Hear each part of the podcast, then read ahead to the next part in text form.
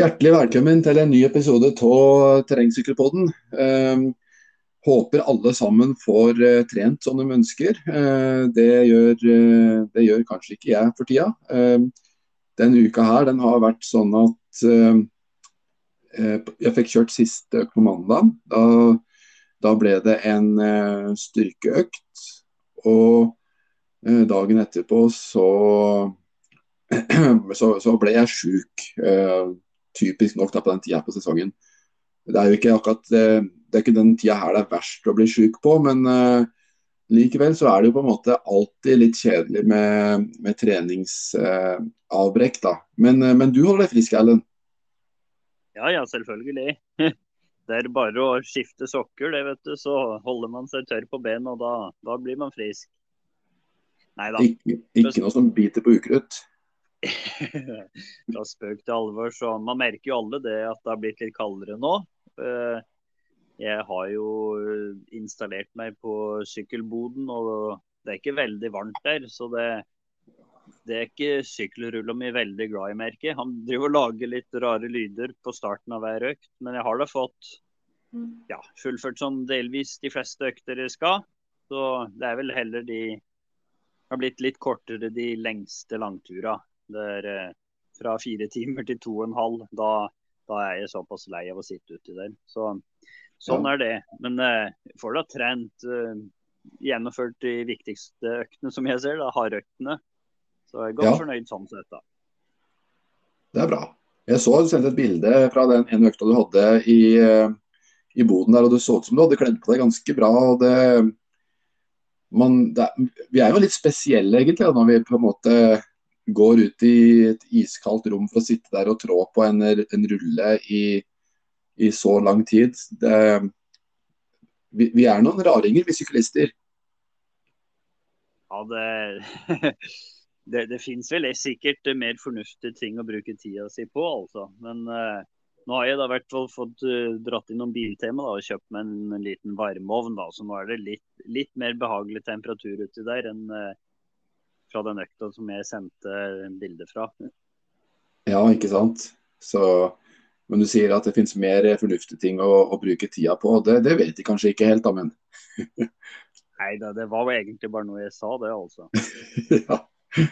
ja. nei altså hvis vi ser på eh, syklinga da som for, for, for, for, veldig mange da, så er jo syklinga og, og trening i seg sjøl det er jo noe som uh, har, har, mange aspekter. Det er liksom ikke bare det å trene. Det er, eh, det er jo helseaspektet ved det òg. At man, eh, man har, han får mange goder ved å, ved å trene jevnlig. Og som eh, en, en, hjerneforsker en gang sa, han sa at hvis, hvis trening var en, en, pille, så var det noe alle kom til å ta. For det finnes faktisk ikke noe medisin per i dag som er mer potent enn en trening.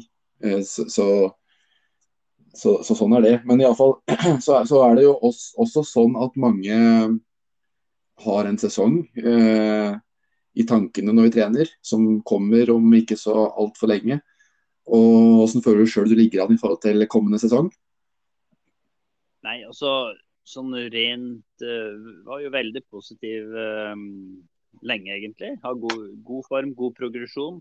Men jeg merker at øktene begynner å koste litt. Eh, men så ser man jo på kalenderen da, at det er ikke lenge før vi bikker inn i et nytt år her. og Da er det ikke mange måneder før sesongen kan begynne. Litt spørs hvor vi velger å legge sesongdebuten. da. Vi, er, vi som ikke er profesjonelle har jo den fordelen at vi kan jo sjøl bestemme det her. Vi kan reise til Danmark og delta ved dritt her hvis vi vil, eller vi kan vente en liten stund og konkurrere her i Norge. Um, men uh, som sagt, så med visshet om at det er i hvert fall tre og en halv måned igjen til eventuell sesongstart, så ser jeg veldig lyst på det.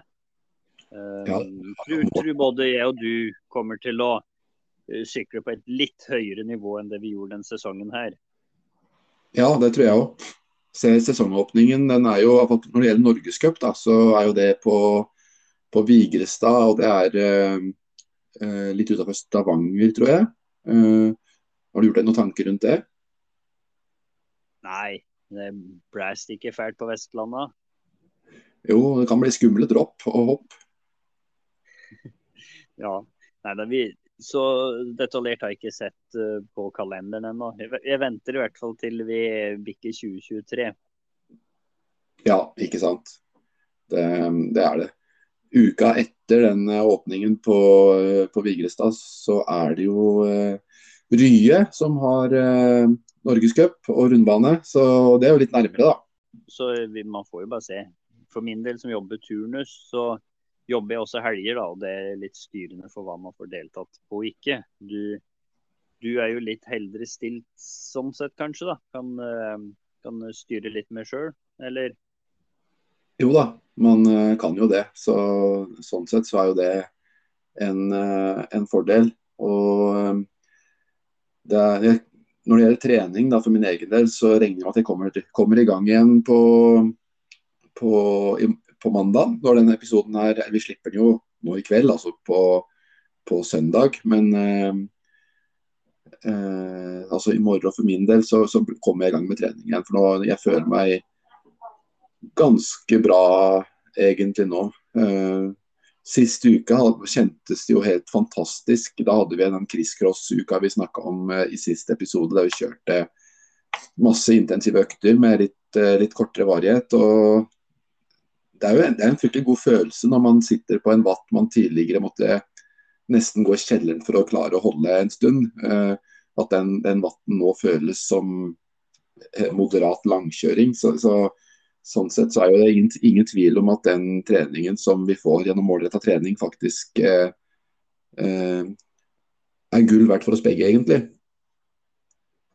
Ja da, få satt treninga i system og får litt kontinuitet på de harde øktene, så er mye gjort, det. altså. Eh, og både for min og din del så har vi jo ikke eh, ja, Du sykler mye på rulla i fjor vinter òg, da. Men for min del så har, jo, har det blitt mindre og mindre sykling om vinteren de siste åra. Nesten bare gått på ski og jogga. Så det blir jo spennende å se hvordan man responderer på det. da, Og trent sykkeltråkking gjennom hele vinternatt. Sist jeg gjorde det, så hadde jeg atskillig bedre form på våren da, enn eh, enn det var eh, nå i år. Da var jo ikke sykkelformen veldig god på starten av sesongen. Nei. Har du tenkt å gå noe skirenn i vinter i det hele tatt? Ja, jeg må jo det. Man, eh, når man har deltatt et visst antall ganger, så begynner man jo å, å telle antall deltakelser, da, jo ikke um, plasseringer. Så man må jo absolutt delta, bare for å ta det som trening òg. Ja, du hadde jo en god økt eh, tidligere i uka på ski sammen med en, eh, Simen Sandelin. Ja da, og han, eh, han, er en god skiløper. Han som eh, kan hevde seg bra på Vaseloppet f.eks. Så det heldigvis så ble det en rolig økt, så jeg skal ha sjanse til å slå litt følge med han. Og han gikk litt fram og tilbake der, så da ble det en god og sosial økt, ja. Ja, ikke sant. Ja, øh, har du jeg har tenkt litt på, har du, Vi har jo fått en sånn fast innslag med sånne her gamle treningstips og greier. Har du, har du funnet noe godbit denne gangen her? Du får nå lage den melodien din, skal vi se hva som dukker opp. OK. Her kommer det. Og den gangen her skal vi tilbake til 1923 og litt alminnelige bemerkninger om uh, trening for syklister. Trening er en gjennomgangsprøve alle idrettsmenn må underkaste seg om de ville nå til noe utenfor det alminnelige, liksom denne overfor en stor kraftanstrengelse er absolutt nødvendig. Man kjører ikke et langt ritt utrenet, det vil ikke bringe noe godt efter sig, og man kan lett pådra seg et men for lange tider. Treningen er et meget viktig moment i all slags idrett, og ikke minst viktig for en syklist. Den må legges individuelt an og skje i samråd med eldre og erfarne ryttere. Det er ikke alltid en regel passer alle. Hva der kan være til fordel for den ene, kan være til skade for den andre. Det er derfor et meget vanskelig arbeid å finne fram det som nettopp passer. Rytterens konstitusjon, legemsbygning og psykiske egenskaper spiller sterkt inn her, og man bør, før man tar fatt på trening for konkurranser, rådføre seg med en lege. For å bli en dyktig syklist kreves det energi og lyst, hvilke må opparbeides fra samme dag man tar fatt på syklingen. Det kreves tålmodighet for å nå det mål man stiller seg. Disse mål bør dog ikke stilles høyere enn at de er oppnåelige, og fremfor alt ikke slik at de skjer på bekostning av helbreden. Søk råd hos dine eldre kamerater eller hos en trener. Ja, noen alminnelige råd der altså. Bemerkninger fra 1923. Ja, nei, jeg er fortsatt uh, veldig overraska over uh, uh, hvor, hvor, lite lenger vi har kommet i dag. Det er jo omtrent som vi skulle ha hørt det det var litt gammelnorsk, den måten du prater på, men ellers så var det jo um, Det var som om du skulle hørt en, en uh, trener i dag, faktisk. Ja, det, altså det, det, er faktisk ikke sikkert at det er så veldig mye som forandrer seg på 100 år, selv om vi kanskje gjerne vil tro det. Og, men hvis du ser på den sykkelen som man sykla på i 1923, så ser man at der har det skjedd eh, mye endringer. Ikke på det visuelle, hvordan sykkelen ser ut med to hjul og den biten her, men uh, alle andre detaljer på sykkelen. Der har det skjedd mye mer enn på selve um, treningsfilosofien, da, hvis man kan si det sånn. Mm. Ja. Nei, så at man sier med å søke råd hos eldre, erfarne syklister. Det er også en ting som mange også gi råd om i dag. Og dette her med også, som, at de på en måte litt erfarne da, eh, kan gå foran som eh, rollemodeller for de yngre, det er jo en viktig del av eh, det norske av rekrutteringsarbeid generelt. Og i den forbindelse så har jeg lyst til å nevne den, den jentesatsinga som kommer til å skje om ikke så altfor lenge i i regi av uh, Thea Sigrud og ei til. Uh, så om ikke nest, antageligvis da, i kommende episode så kommer kom vi til å snakke med, med Thea om den uh, jentesamlinga og rekrutteringsarbeid uh, opp mot sykling. da. Ikke bare terrengsykling, men sykkel generelt. Uh, opp mot yngre jenter. Og det, og det er jo et veldig viktig og, og spennende arbeid som uh, de på en måte går i bresjen for. da. Så, så, jeg gleder meg veldig til å høre hva, hva Thea sier om, om, akkurat det. Det blir spennende. og Ikke minst har vi en veldig spennende gjest denne uka her. og, og Han kan jo på en måte være et litt eksempel på det her med det å ha litt eldre rollemodeller. da, uh, Hva det kan gjøre i forhold til um, å skape engasjement og at man rett og slett får se hvor nivået ligger. Og ukens gjest, gjest er jo Mats Koritov, som uh, sykler på samme klubb som Knut Røme og trenes av Knut Røme på, på Romeriksåsen. Så uh, vi har rett og slett å uh, høre hva han har å si. Skal vi ikke det? Det gjør vi.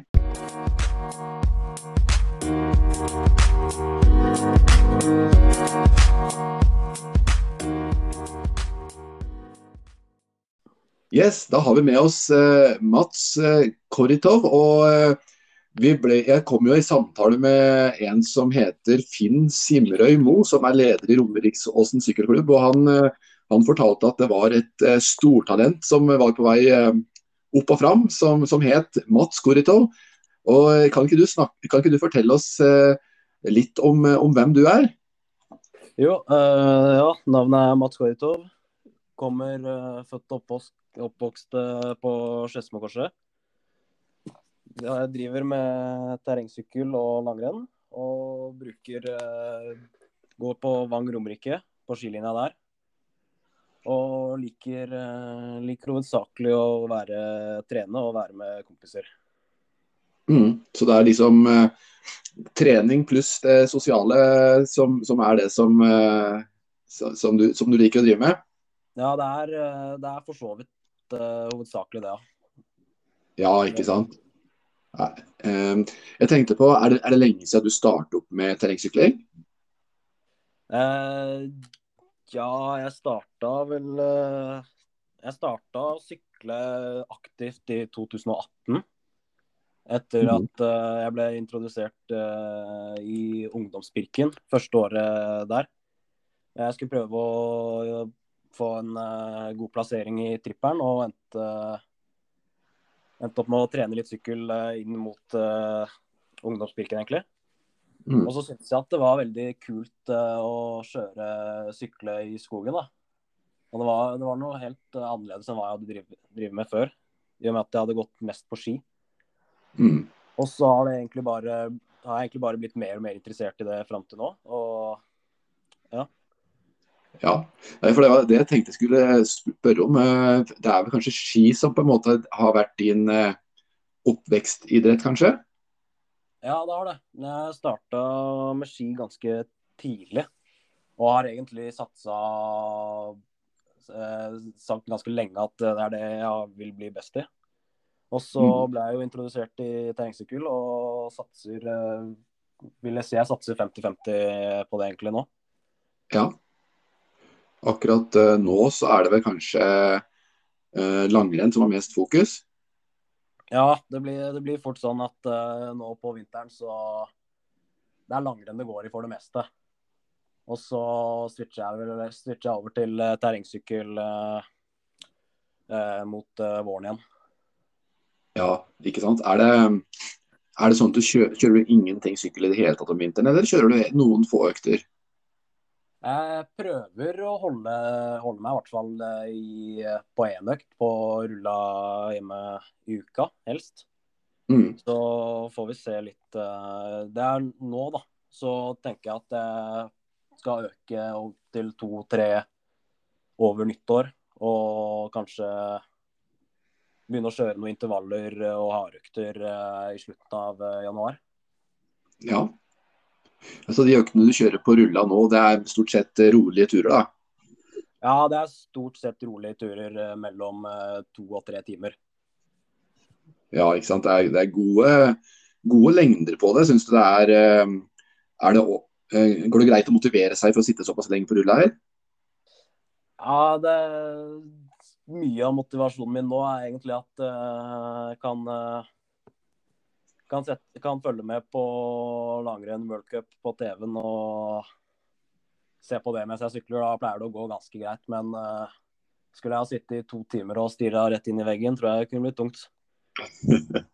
Ja, det, det er vi nok flere om å mene. Det er liksom litt forskjellige synspunkter på det. Noen liker det veldig godt. Altså, jeg for min egen del, jeg sliter litt med å skulle Når man har passert to-tre timer, så da, da føles det ut som jeg har sittet ganske lenge der. Ja, det gjør det, altså. Det jeg hadde en eh, rolig økt der i stad, og så etter å ha sykla en time, så begynte jeg å Trodde jeg hadde sykla i snart to, så jeg har sykla litt over en time. Da mista jeg litt motivasjon, altså. Ja, nei, det skjønner jeg. Nei, vi snakka jo med, litt med en annen framadstormende junior, hun som heter eh, Malin Karlsen. Hun sitter også en del på rulla nå på, på, eh, på vinteren, og hun sitter og leser litt faktisk opp når hun sitter på rulla. Ja. Så det er forskjellige, forskjellige måter å få tida til å gå, men det som er, er at jobben, jobben må gjøres uansett. Den må det. Det er sikkert blir vanskelig å bli noe stortalent. Ja, det, det, det gjør nok det. Talent det er, du, det er du nok, det er det ingen tvil om når man ser på de resultatene du har. Men det er liksom å trekke det og, og gå steget videre, da, så, så må man jo på en måte få gjort jobben òg. Ja, det er det. Så jeg tenkte litt på Du går jo på Vang eh, toppidrett nå. Er det mange der som driver med terrengsyklinger? Eh, per nå så er det meg og en eh, 06-er eh, jente, Sara Hoven heter hun, som starta Ja. i år. Ja. Så det er egentlig bare oss to på Vang Romerike, da. Ja, Men så ja, vi har vært så heldige at vi har fått tilbud om å kunne trene med Terrengsykkel Oslo, Bang. Så Ja. uh, det, vi har vel tenkt prata litt om det at uh, vi skal prøve å få blitt med dem på noen økter uh, gjennom våren. ja. Det er jo helt genialt å få gjort det. Og da, da legges det sikkert opp sånn at du får lagt de, de timene som er i timeplanen på, på skolen. da, Blir på en måte lagt opp imot de, de fellestreningene der, sikkert. Ja, eh, det blir jo litt sånn eh, kluss med å komme seg fram og tilbake fra Oslo og til eh, skolen. Så vi må se litt hvordan vi løser den eh, der, eh, egentlig. Ja. ja, det er mye logistikk som, som må klaffe. det er det, altså. Det både å komme seg til trening og tilbake. I og med at ja. det er foreldre som skal på jobb tidlig også, så blir det litt vanskelig å få med seg sykkel og to-tre bager inn på bussen og tog også. Hadde vært eh, lettere å drevet med løping, kanskje? ja, ser jo på møter på noen kompiser på vei til skolen. Driver med fotball, har med seg en sekk. Det hadde vært digg, det. Ja, det er litt eh er litt mer som skal, ting som skal på plass når man driver med sykler. Så er det Vang, Vang toppidrett, er det sånn at uh, er det masse forskjellige idretter der, eller er, eller er det sånn er Jeg har en følelse av at fotball kanskje er det som det er flest av der? Ja, på, i hvert fall uh, på Romerike-skolen jeg går på, så er det ganske mange sporter. Jeg, jeg tror det er eh, langrenn, hockey, fotball, håndball, cheerleading og skiskyting og freeski. Og så de, har de en basisgruppe hvor det er blanding av litt forskjellige idretter. Mm. Så det er ganske mange forskjellige eh, idretter på skolen, altså. Det, men det er litt gøy, for da kan man se litt uh, hvordan uh, de forskjellige idrettene trener. Det er sant. Og det som er litt gøy å se, det er at uh, det finnes ganske masse likheter mellom idretter når det gjelder dette her med altså de treningsprinsippene som, som ligger der. Da, med Mm. Prinsippet om kontinuitet og variasjon og mengde og, varia og alt det her forskjellige. Det, det, ser man på en måte som en gjenganger i, i alle idretter. Ja. Så du, ikke, du, du vurderte ikke cheerleading, da? Nei, det sto ikke på, på tanken uh, da jeg skulle starte på Vang. Altså. Det, det gjorde ikke det. Nei, nei. Det var, en, det var litt spøk. Ja. Så, men, men, sånn, eh, for du, du, du satser jo 50-50, da. Eh, terrengsykling og langrenn. Er det, har du gjort deg noen tanker framover? Vil det være sånn de kommende åra òg? Eh, jeg har jo lyst til å kunne satse begge idrettene så lenge som mulig, ja. Men det kommer jo alltid en dag hvor jeg må, blir nødt til å velge. Mm. Så må jeg se litt, da, i og med at uh, juniorsesongen på terrengsykkel er to år kortere enn på langrenn. Så mm. må jeg nesten prøve å få lagt opp satsinga litt uh, over hverandre, da. Sånn at uh, sånn til sommeren nå, når jeg blir siste års junior, kan jeg prøve å satse litt hardere på den. I og med mm. at det å være nest siste junior på langrenn til vinteren igjen da, neste vinter, så er det ikke like viktig å ha de toppresultatene. Så jeg prøver å finne en balanse hvor jeg kan prøve å prestere like bra til tross for, eller sett opp mot at uh, det ikke er like viktig i juniorklassen, da, eller i alderen, hvis, det, hvis, dere forstår hva jeg prøver å mene. Ja, ja, absolutt. Gjør det. Mm.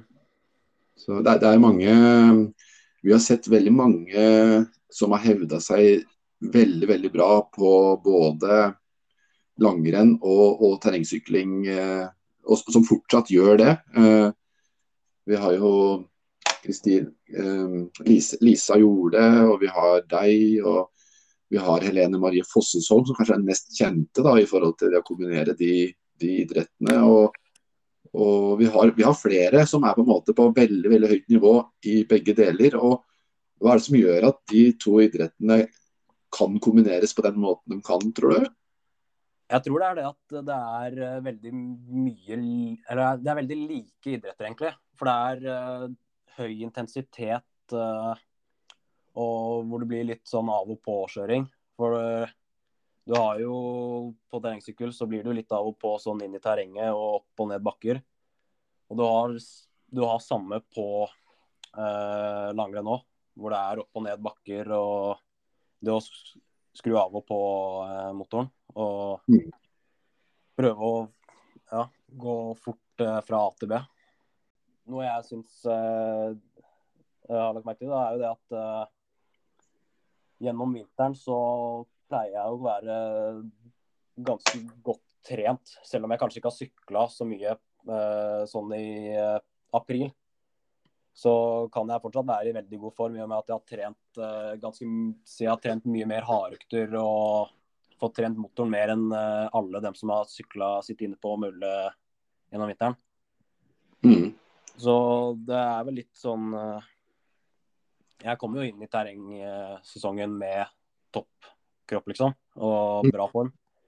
Eneste er eh, det med teknikk eh, i terrenget og bruk av muskel- og lårmuskler. Siden det ikke er like mye bruk av det i langrenn. Nei, så det er de muskulære tilpasningene da, som på en måte blir, eh, blir det som er litt utfordring. Men det inntrykket jeg har, er at sånn den, den generelle utholdenheten, det er noe som på en måte tar lengre tid å, å utvikle. Og, og den, er jo ganske, den er jo lik både på sykkel og langrenn og egentlig de fleste utdanningsidretter. Mens den muskulære tilpasningen, den, går, den tror jeg kanskje at går kjappere å utvikle. Sånn at man da fort har man en veldig god eh, base, så, så vil man fort utvikle seg så, så snart man da starter med å f.eks. sykle. da. Så Jeg vet ikke hva du tenker rundt de synspunktene der. Jeg.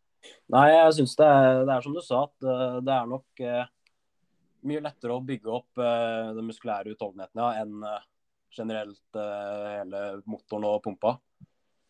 Så Mm. jeg syns eh, Ja, det var egentlig ganske bra forklart, det der, syns jeg. Ja, takk.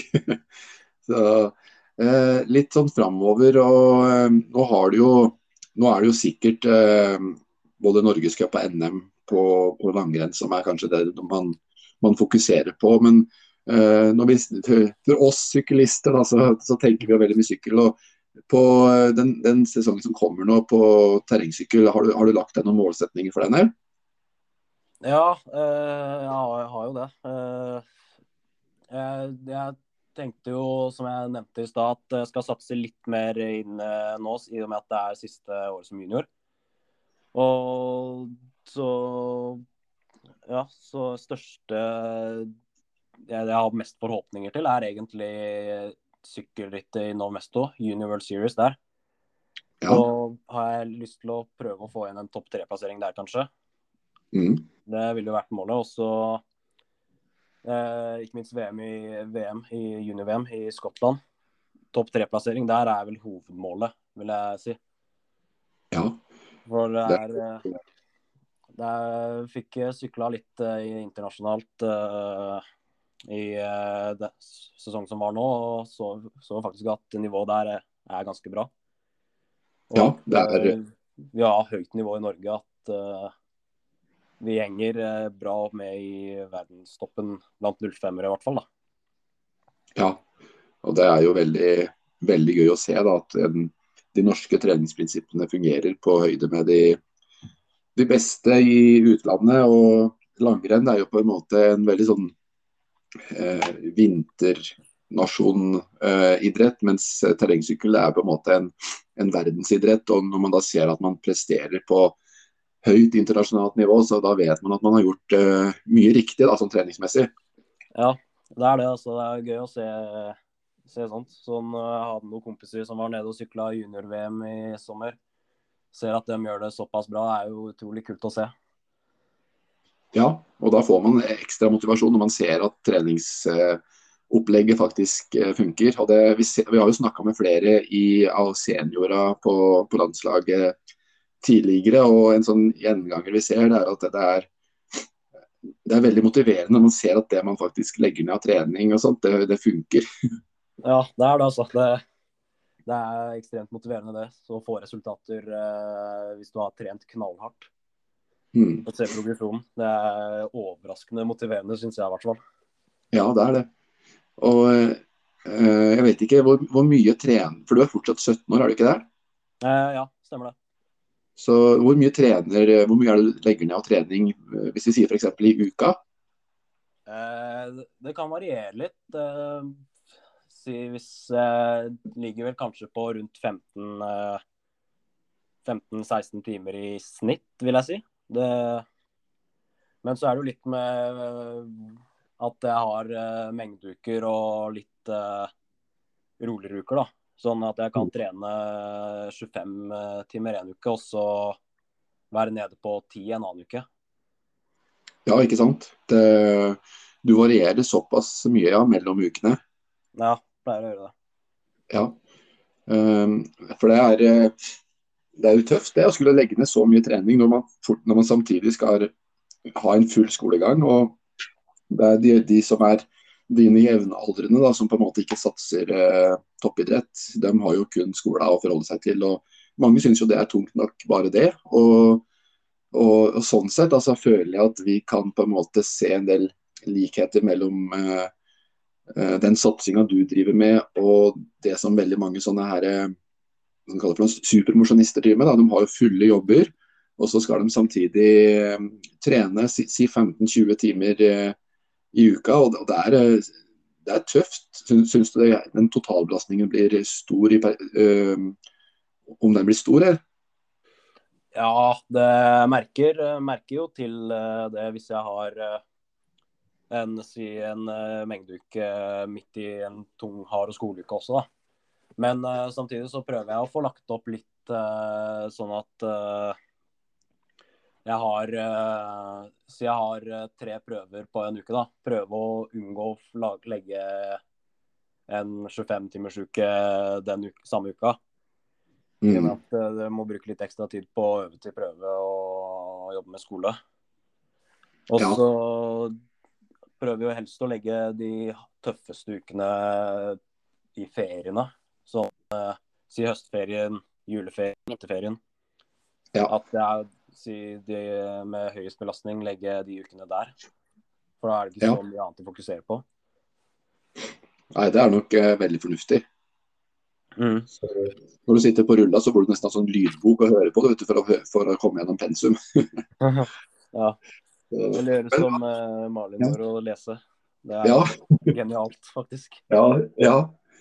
Så hva hvis du når måla dine i sommer? Uh, hva tenker du da? Hva, hva, kommer du til å gjøre da, si, i forhold til satsing på hvilken idrett? Nei, det, det er et godt spørsmål. Altså. Det, ja, ikke så langt har jeg ikke tenkt, men uh, jeg får vel se litt hvordan uh, skisesongen går etter hvert da. da. Om jeg ja. klarer å levere samme resultatene. Ja. Og så blir det jo litt hard uh, tøft da, hvis jeg, når jeg går fra junior til U23. Da kan kan konkurrere med folk som er to år eldre. Og merker, kommer nok til å merke litt på det, den der da, ja. ja. At, at jeg Og da er jeg fortsatt junior i eh, langrenn, som jeg så tidligere. Mm. Eh, samtidig så kan man på en måte altså du vil jo få en eh, ekstremt mye større matching på et vis. Da. Mm. Eh, og det kan godt hende at det faktisk vil eh, kunne utvikle deg enda mer som langrennsløper òg, hvis man ser sånn på det. Ja, det er jo sant det. At uh, du kan uh, få, få, mer matching gjennom uh, sommeren og hardere konkurranse. Mm. Så ja. nei, det er Jeg har ikke tenkt så langt uh, ennå, så det Nei. Må nesten se litt Ta det som det kommer. Ja. Nei, personlig så driver jeg så, så jeg går jo mye på ski om vinteren og, og, bruker sykkel om sommeren, men det har liksom blitt mer og mer sykkel eh, på meg, for jeg syns sykling er uh, det, det, morsomste. Så, og, vi, og, når, når, man er sånn, så håper man på en måte at de yngre talentene satser på samme måten. Så skal ikke se bort fra at jeg eller Erlend stiller opp på et norgescup i vinter altså med en, en klistertube eller noe sånt. Uh -huh. Ja. Nei da. Nei, men uh, veldig bra. Uh, Erlend sitter jo og lytter uh, stille i bakgrunnen, han òg. Så jeg regner med at du har en del spørsmål du har lyst til å stille, Erlend? Stemmer det, det har jeg. Og jeg begynte å lure litt på det her med sesongpause. Når du driver og kombinerer både skisatsing og sykkelsatsing, er det så du unner deg sesongpause på enden av skisesongen og på enden av sykkelsesongen, eller går du liksom rett løs på neste eh, prosjekt? Nei, jeg pleier vel å unne meg eh, den ene kvelden etter siste konkurransen. Da, da får jeg spise litt ekstra god mat og slappe av, eller så er det rett på dagen etter. Ja, og det, du, du, du, har fortsatt overskudd og liksom lysten til å konkurrere. og du, Full motivasjon, skal du si. Du merker ikke noe, noe omstillingsbehov der? Nei, jeg gjør egentlig ikke det. Altså, det er uh, fullt med det er, Jeg har bra motivasjon. Uh, ja, jeg er veldig glad i konkurranser, så så er det jo noe annet når jeg kommer fra terrengsykkel og skal konkurrere med helt andre folk igjen. Og se hvordan jeg ligger an mot dem. Så det er Jeg syns egentlig det går veldig bra. Ja. Er det så du øver på begge stilarter innenfor ski i forhold til både skøyting og klassisk gåing, eller hvordan uh, ja, gjør du det? Jeg pleier å, pleier å gjøre det, ja. At uh, varierer uh, rundt der begge. Prøver å få dem gå om og om hverandre. Ja. Hvordan er liksom skiforholdet innover der du bor nå? Per nå så er det lite innen eh, 25 minutters eh, kjøring. Det, men eh, det er vel ikke mer enn halvtime, 35 minutter opp til Nordåsen, der det, det er knallfine skiløyper nå. Så, ja, så det, vel, det finnes muligheter? Ja, ja. Så har de vel begynt å legge ut kunstene rundt omkring nå også, har jeg hørt. Så det blir egentlig bare bedre og bedre det gjennom utover ukene nå, ser jeg for meg. Ja, så bra. Eh, den treninga du gjør på sommeren på sti og sånn, hvordan er forholdene for det der du bor?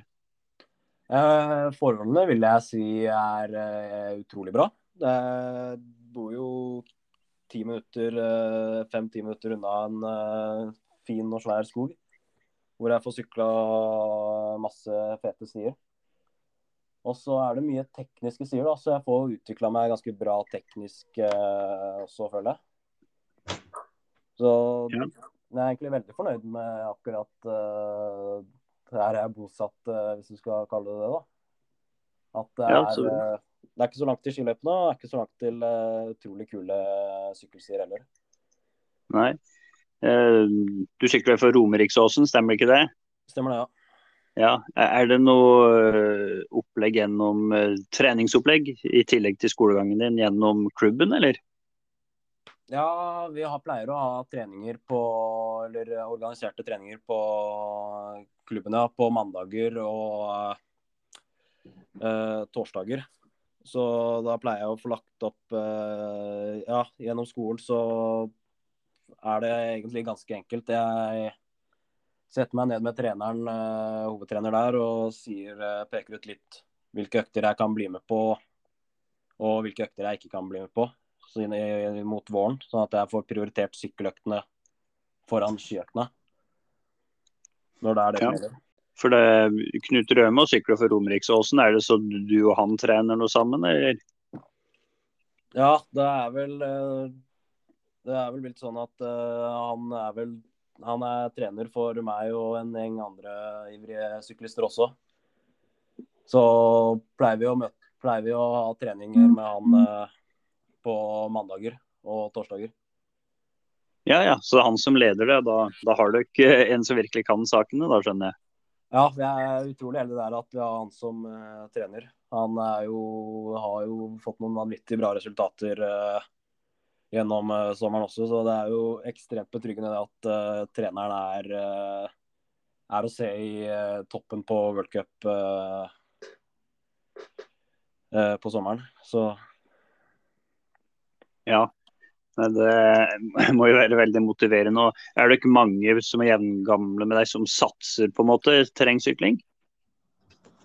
Ja, i klubben så er det ikke så da, I klubben er det kun meg som er 05-er, uh, 17 år. Men så er det jo uh, et par gode 06-ere der også. Men uh, nå har vel den flytta, han ene flytta opp til Lillehammer på NTG. Han andre går på Vang Oslo, så jeg får vel se litt hvor mye deltakelse det blir på de treningene til, til sommeren og våren. Um, det virker som du ganske tidlig da, har bestemt deg for at uh, det er idrett og konkurranser du vil drive med. og Hvor, uh, hvor kommer den, uh, det fra? skulle jeg si? Kommer du fra en idrettslig familie?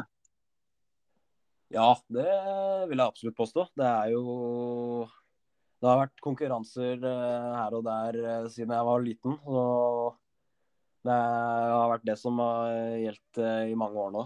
Det, det er noe med det å konkurrere og måle seg mot andre som jeg syns er Det er noe eget med. Absolutt. Ja. ja altså du, du, du, takler det. Du blir ikke stressa av konkurranser, sånn som kanskje mange blir, da? Nei, det er ikke så stressa av konkurranser nå lenger. Hvis du ser tilbake for noen, eh, tre år siden, så var det kanskje litt verre. Men uh, nå er det jo konkurranser hele tida nesten, så begynner å bli ganske vant til nervene. Er, eh, vi hører jo flere av de beste terrengsyklistene deltar på sånn vintertriatlon, som også skal være nå i vinter. Er det, er det noe du tenker å delta på, eller? Nei, det var, det var en kompis som nevnte for meg her for noen uker tilbake at uh, jeg kunne prøvd meg på det. Men uh, jeg tror det passer litt dårlig med langrennssatsinga gjennom vinteren. Dessverre. Ja. Nei, ja, det blir vel mer sånn litt for moro skyld, det er vintertriatlon kanskje. ja. Ja, ja. nok litt det. Ja. Nei, men jeg tenkte på, Da er det Romeriksåsen som er klubben din, da. Men er, er, du en del av noe team i tillegg, eller er det ren klubbrytter? Nei, jeg er ren klubbrytter, ja. Det er det. Ja, og det, det funker vel det. Romeriksåsen har vel en sånn elitesatsing, stemmer ikke det? Jo, jo, det stemmer det. RSK Elite, det, er, eh, det fungerer eh, bra, det altså. Det, det fungerer veldig bra, syns jeg. Så ser jo at det er eh, flere der som hevder seg godt. Men blir du Når er det liksom første skirennet du skal delta på nå, da? Nei, jeg gikk uh, sesongåpninga på Gålå uh, to uker siden. Og så gikk jeg noe skirenn i går. Men uh, det første viktige blir vel nok uh, Norgescup på Lillehammer i starten av januar. Ja, så du får trent bra nå gjennom hele jula og sånn, da, og fokusere fram mot det? Ja, det er, det, det er vel det er Norgescup på Lillehammer som er hovedmålet, så jeg må prøve å få finne toppformen inn mot det. Ja. Hvem er det som hjelper deg i forhold til ski og skismøring og den slags? da? Der er det fattern som uh, gjør det aller meste. Så han, uh, han, gjør en bra jobb, så kreditt til han uh, som smører skia og fikser feste og sørger for at jeg har bra ski inn mot alle konkurranser. Han har konkurrert litt sjøl òg, kanskje, så han har litt kjennskap til toppidrett, eller? Ja, han uh, pleier, å, pleier, å, gå Birken, uh, ja. Så han uh, har nok noen erfaringer selv, ja. Det stemmer, det. Ja, nei, men det, det, er bra. Det er gull verdt å få god hjelp fra tidlig alder, altså. Det, det skal man ikke undervurdere. Mm. Jeg er utrolig heldig som har en både far og mor som er så supportive som de er. Ja, Nei, det er bra. Men hva, hva heter skiklubben din, da? For det er vel ikke Romeriksåsen, eller? Nei, skiklubben det er Skedsmo skiklubb. Så det er, ikke, det er ikke største skiklubben, men uh, de har vært veldig ivrige i uh, hittil i skikarrieren, hvis jeg skal si det. Ja, for Er det en ny, ganske ny klubb, da, eller? Nei, den er vel ikke helt ny, men uh, det har gått der uh, hele, hele, livet. Så hatt, fått bra matching og trening der uh, i yngre alder også. Selv om det er litt begrensa hvor mye treninger jeg er med på der nå, så Men ja, det er jo det, det er jo der alt starta, så Ja, ja. Nei, Det er bra. Um, jeg bare tenkte I forhold til den eh, rulleøkta du kjørte hver uke, som du sa. Da er det snakk om rolig sykling den ene, den ene økta du har i uka, eller? Ja, det er eh, for det meste bare rolig sykling, ja. Så, men eh, liksom, hvor, hvor, lang tid etter skisesongen over er det før du liksom føler at du er i, i god sykkelformat, på en måte? Jeg, jeg hørte hva du sa i stad, men liksom at, at nå, nå, har jeg det med teknikken inne. Nå har jeg nå er jeg tilbake der jeg var, på en måte. Hvor lang tid sånn cirka regner du? Mm, hvis jeg ser på forrige sesong, eller fra ja, i fjor, overgangen fra ski til uh, sykkel, så gikk det egentlig ganske fort. Jeg starta jo å sykle underveis i langrennssesongen, ja. Og så hadde jeg meg en tur ned til eh, Fredrikstad i terrenget der. Og det, jeg følte meg egentlig ganske komfortabel allerede på første økta. At uh, dette fungerer uh, bra. Klarte å sette utfor og gjøre løse tekniske elementer bra, følte jeg.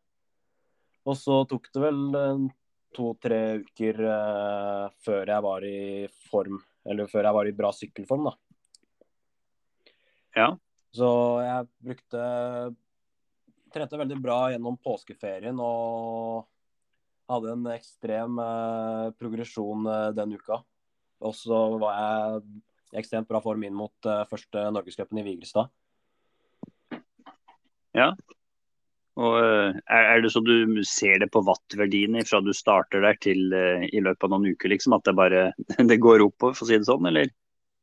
Nei, nå jeg sykler Dessverre sykler jeg ikke med watt, men jeg har en, har en del runder oppe ved ikke så altfor langt unna hjemme, hvor jeg pleier å teste litt tider. Og de blei ble bare bedre og bedre gjennom hele sesongen, dem. Ja, altså det, det trenger ikke å være noe ulempe nei, å, å få god trening på ski gjennom vinteren, skjønner jeg. Nei, det pleier ikke det. Altså. Det har jo motoren uh, i bedre form enn de aller fleste, kanskje. Så ja. det, er, det, er nok, eh, det er nok ikke ulempe å satse på ski i vinteren heller, nei. Nei, det er, eh, nei det når det er så mange som velger å gjøre det sånn, så, så skjønner man at det, det, må ligge noe i det. Det å være godt trent i seg sjøl, det, det, har en verdi, det òg. Så da da får jeg bare si tusen takk, og så får du ha lykke til med treninga nå fram mot uh, Lillehammer. Og så håper vi at vi kan ta en prat med deg senere en gang. Ja, hyggelig. Så ha, det godt. Yes, tusen takk. Ha det godt.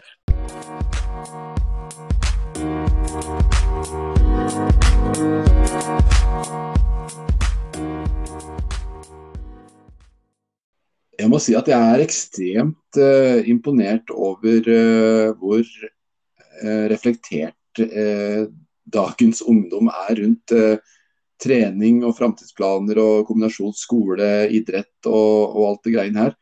Tenker jeg tilbake på meg sjøl når jeg var på alderen til han eh, Mats, så eh, jeg, jeg, tror ikke jeg sjøl var så reflektert som han var. Altså, det, synes, jeg synes, jeg, det er utrolig morsomt å høre på han og inspirerende, egentlig. og Han er, han er en person som er virkelig unner at skal nå så langt som helst, egentlig. Jeg, jeg tenker ikke det samme, Erlend? Jo, og så er det jo så spennende med alle de her Vi har hatt mange gjester nå. Du nevnte jo noen i stad, og i tillegg har vi han Østen Brovold Midtsundstad, som også kombinerer det her med skisatsing om vinteren og sykling om sommeren. Og, og så se at de klarer å hevde seg innenfor begge idretter, eh, sjøl om man er høyt oppe på junioralder. Det, jeg synes det er Eh, er så interessant.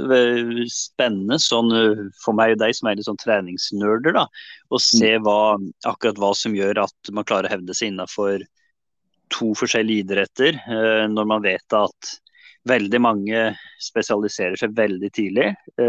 Og har atskillig flere treningstimer innenfor den ene idretten enn ja, kanskje noen av de her har, da, som velger å dele opp året i to og satse på hver sin idrett. Så og Det sier jo litt om hva slags konkurransehu de har òg, og hvor dedikert man er mot uh, de målene man setter seg. Så det var artig å ta en liten prat med Mats, høre litt hvordan det trenes inne i hovedstaden. Mm. En ting som, uh, som, jeg har tenkt litt på, etter at vi har snakka med alle de folka som kombinerer langrenn og sykling, og at de presterer så bra som de gjør på begge deler, så, så kanskje det ikke er noen vits at man slutter å drive med begge deler. Kanskje man kunne ha drevet med det selv i senioralder. Um, hva tenker du om det? Ja, og da litt tilbake på det vi leste i stad fra 1923. da, altså at Hvis man setter seg et mål, så, så må man være motivert, motivert, for det målet. Og så vet vi at det er et økonomisk aspekt ved det her. Skal du kombinere en satsing på terrengsykling og og ski, så, så vil det koste. Um, litt lettere blir det jo når man først har, er ferdig utvokst og har den skiparken som er tilpassa sin voksne vekt og den slags. Da, for vi vet at skal man uh, Hva heter det? Hvis man går opp uh, litt for mange kilo fordi man vokser i ung alder, og du må bytte ut hele skiparken på en sesong, så, så er det en enorm investering for, uh, for hele familien, egentlig. Så mm. Først og fremst så må du jo ha altså at forholdene er lagt til rette for det i forhold til økonomi. Og så må man jo ha et hue som gjør at det er motivert for det. Um, og har man motivasjon, så er jo alt mulig. Så nei, Det var bare noen tanker jeg hadde om det. Ja, det er jeg helt enig i. Altså, det økonomiske aspektet. og Så kan det òg hende at jeg har med det å alltid være i konkurransemodus. Eh, han Mats snakker jo om at når han kom til eh, eh terrengsykkelsesongen, så var han på en måte allerede i konkurransemodus, for da var han nettopp ferdig med skisesongen. Men jeg vil jo tro at, eh, at, at det er kanskje mentalt belastende å alltid skulle være i konkurransemodus. Eh, tror ikke du det samme? Jo, eller også Det passer nok ikke for alle, men det passer for noen.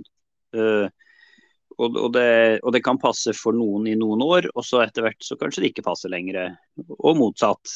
At, at man kanskje går fra å være spesialist, og så eh, etter hvert så blir man eh, ja, At man har mer lyst til å konkurrere hele året, da, fordi man ser at det, det gjør at man eh, holder treninga oppe. og det er det sosiale med det. Man får reist litt, man får opplevd ting. Så det er mye med det her.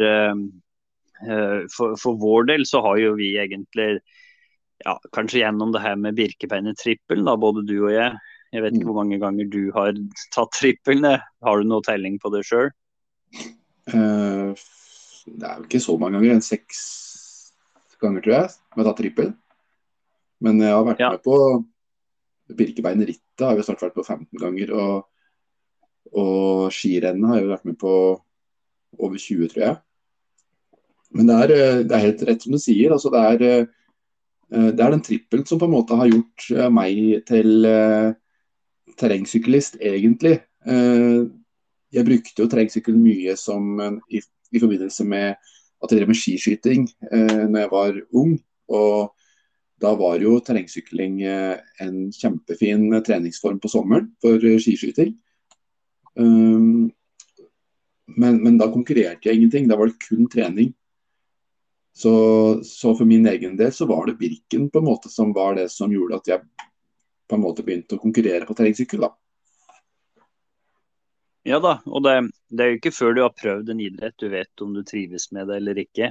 Så Det var vel litt som Mats opplevde sjøl gjennom det blir ungdomstrippelen, det da. At han ble introdusert for terrengsyklinga. Og likte sikkert det her med fart og spenning og action. Ja, ja ikke sant. Og du har jo kjørt trippel noen ganger, har du ikke det? Jeg tror det er ti-elleve ganger eller noe sånt. Ja, det er jo rått. Da har du vært med på trippelen flere ganger enn det jeg har. Ja, men så er jeg litt eldre enn deg òg. Ja, for ser det sånn ut. ja. Nei, Nei, men det var uansett eh, veldig, veldig moro å ha med en eh, ha med en Mats. Vi har ganske mange godbiter som venter på oss uh, framover. Uh, vi har jo nevnt uh, Thea Sigrud og den uh, jentesatsinga som hun står i bresjen for. Og så er det flere andre som, som vi skal ha med videre framover. Vi har bl.a. han Mikkel Soya Bølstad. Han er jo på en måte både en jeg vil kalle det eventyrer, forfatter, og eh, også eh, ivrig syklist. Eh, han har sykla den han har sykla 700 km i et uh, forsøk på en ganske bra tid. Så ganske mange godbiter som venter på oss. Og så må du ikke glemme at vi har en sånn liten julespesial her med Tor Gottaas over tre, tre, episoder.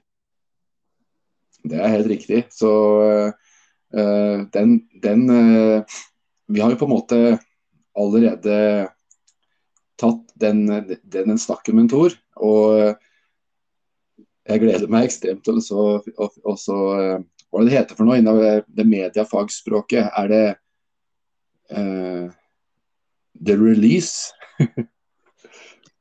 Ja, nei, du, jeg, jeg er ikke medutdannet, det, så det, dette tror jeg nesten du må uttale deg om. Ja, det er ikke det jeg sjøl heller, om jeg liker å tro det. Men i alle fall så, så, så blir det iallfall en kjempefin eh, tre kjempefine episoder med Thor som kommer eh, i jula. Så det kan dere glede dere til. Så da kan vi kanskje bare runde av denne ukens episode? Ja, det gjør vi. Så da ønsker vi alle sammen en skikkelig fin uke på, på enten sykkelsete eller på hvilken som helst annen treningsform. Det viktigste er at man får trent. Så da høres vi neste mandag. Ha det bra.